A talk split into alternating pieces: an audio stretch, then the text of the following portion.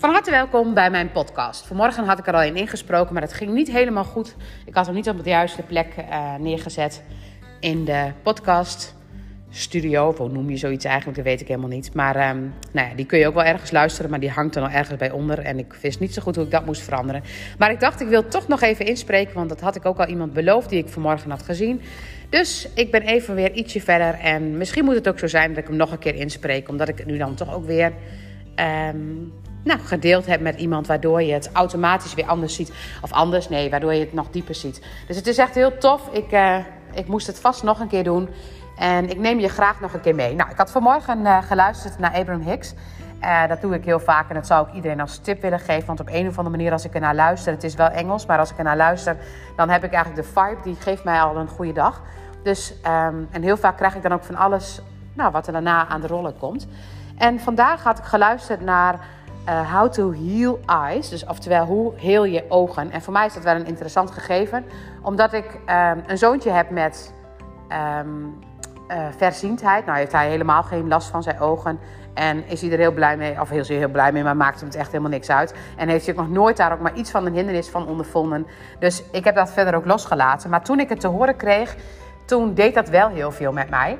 En uh, vooral omdat ik het echt niet kon begrijpen dat hij zulke slechte ogen had. Want als ik toch zag wat hij allemaal kon en wat hij deed en wat hij zag, dan kon het niet zo zijn dat hij slechte ogen had.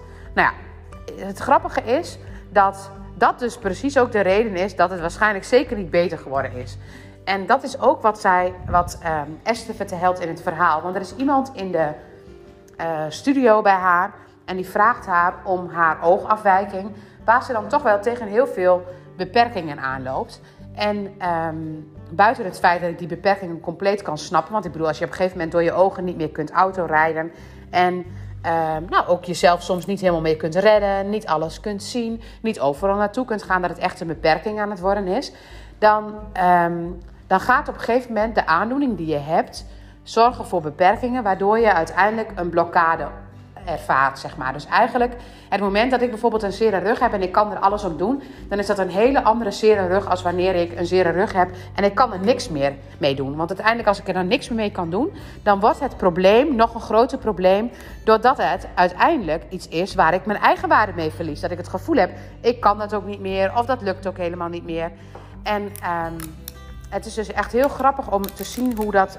Um, hoe dat uiteindelijk zeg maar, dus nog een negatieve spiraal kan gaan geven. Nou, ik heb vandaag al meerdere voorbeelden gehad die daarbij horen. Want wat zegt Esther dan op dat moment? Uh, het moment dat deze mevrouw vraagt van hoe kan ik dat helen? Uh, dan is het dus belangrijk om te zien... zij voelt dus haar oogbeperking, die ook wel groot is... maar die voelt ze dusdanig als een beperking dat ze dat weg wil hebben. En het moment dat jij dat weg wil hebben, dat je wil helen omdat je iets niet meer wilt, niets meer wilt, niet, niet meer willen, zorgt ervoor dat je het juist krijgt. Want ons, ons brein kan geen niet. Dus het moment dat je ergens een intentie hebt omdat je iets niet wil, ja, dan ga je op, dat, op, die manier zeg maar, ga je dat stukje nog groter maken. Dus um, als ik vanmorgen dan kijk naar een, um, een verhaal van een jongetje en die heeft een tik. Nou, dat jongetje heeft een tik en um, deze tik zeg maar wordt opgemerkt. Deze tik wil moeder niet meer. Deze tik wilde inmiddels het jongetje ook al niet meer. En hoe harder je het niet meer wilt, hoe groter de tik gaat worden. En dat is precies de valkuil wat ik bedoel te zeggen. Het moment dat je iets niet meer wil, dan trek je het juist naar je toe. Dus als deze mevrouw aangeeft, zeg maar in de studio bij uh, Esther en Abraham Hicks, aangeeft van uh, ik wil dat niet meer, dan moet ze gaan ontdekken voor zichzelf wat ze dan wel wil. Wat wil jij wel? Nou, zij wil dus heel graag autorijden, want dat kan niet met de ogen. Maar dat is niet wat de vraag is. Wat wil jij voelen? Wat wil jij zijn? Wat wil jij wat jij nu niet kunt zijn? Dus want soms is het misschien best heel fijn als jij bijvoorbeeld veel te alert bent en um, uh, je bent maar bezig met alles en met iedereen en je rijdt in de auto en je gaat overal scheur je naartoe en uiteindelijk zeg maar, verlies je jezelf daarmee, dan is het best wel slim van het lijf dat hij jou een oogprobleem geeft. Want uiteindelijk kan het oogprobleem ervoor zorgen dat jij niet meer overal naartoe kunt vliegen. En als jij niet overal naartoe kunt vliegen, dan kan dat wel eens precies de heling zijn die je nodig bent. Dus dan kan het eigenlijk helpend zijn om jou dat te geven wat je eigenlijk zou moeten krijgen. Nou, stel je voor je gaat kijken naar het oogverhaal, dan zou je dus eigenlijk mogen gaan onderzoeken wat is hetgeen wat ik zo graag zou willen. Is dat een vrijheid, dat je als je in de auto rijdt, dat je dan een bepaalde vrijheid ervaart? Of heb je het gevoel dat je doordat je nu niet kunt zien, dat je niet meer iets waard, het waard kunt zijn voor anderen? Wat is het gevoel wat je hebt? Dus als je kijkt naar die tics van dit jongetje, dan wil je graag dan wil die moeder graag dat die tik weggaat. Nou, hoe harder ze wil dat die tik weggaat, hoe groter die tik gaat worden. Nou, dat was ook echt zo. De spanning werd alleen maar erger. Maar wat wil je graag? Nou, ik wil graag dat ik een ontspannen jongetje heb. Ik wil graag dat hij blij kan spelen. En ik wil niet zien dat hij een bepaalde spanning heeft dan moet je zelf ook blij gaan spelen. Dan moet je aandacht geven aan het blije spelen. En op het moment dat je aandacht geeft aan het blije spelen, verandert het. Dan verandert het direct. Want het moment dat je ergens angst voor hebt, dan verkramp je ervan en vergroot het. En op het moment dat je er geen angst voor hebt, kan het gaan ontspannen. Dit jongetje is in een week tijd aanzienlijk verbeterd wat betreft zijn tik.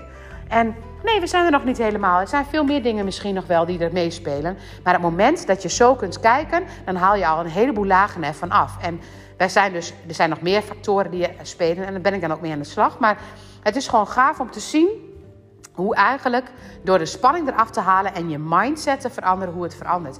Het moment dat je bijvoorbeeld een kindje hebt die ontzettend veel huilt, wat ik natuurlijk veel in de praktijk zie, dan is het belangrijk om het huilen niet als de grote blokkade te gaan maken. Van weet je, ik kan niet gelukkig zijn, want mijn kind huilt zoveel. Nou, ik geloof wel dat je dan echt super moe bent en dat je er helemaal klaar mee bent. Maar probeer je geluk te pakken. Probeer het te blijven vasthouden. Je hebt een kindje gekregen. Dit kindje is nog niet helemaal gelukkig. Nee, dat klopt. En misschien is het kindje wel niet gelukkig omdat hij voelt dat jij ook nog niet helemaal gelukkig bent. Maar het moment dat jij je dan nog ongelukkiger maakt door het feit dat je kind ongelukkig is, dan ga je een negatieve spiraal pakken. Dus die moet, die moet losgelaten worden. Ga eens kijken hoe jij jezelf weer wat blijer kunt maken. Kun je misschien een wandelingetje maken dat je even je hoofd weer lekker fris hebt? Of kun je misschien uh, zorgen dat je wat hulp krijgt? Dat je gewoon eens even lekker op de bank wat meer ontspanning kan gaan krijgen in die situatie. Of misschien moet je eens even praten over alle ongeluk die jij hebt gevoeld in de zwangerschap of bij de bevalling. Want heel vaak zijn dat ook triggers die op dat moment zeg maar het versterken. En Zorg dat in elk geval hetgeen wat er op dit moment is, niet de blokkade wordt waardoor het erger wordt. Want op het moment dat dat aan de hand is, kom je in een negatieve spiraal.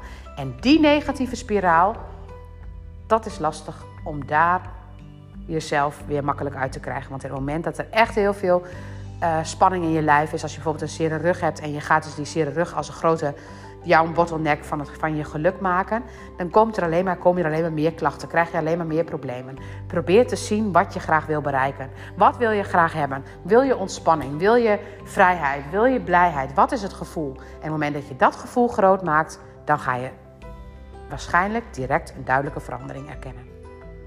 Nou, dankjewel voor het luisteren en tot de volgende podcast.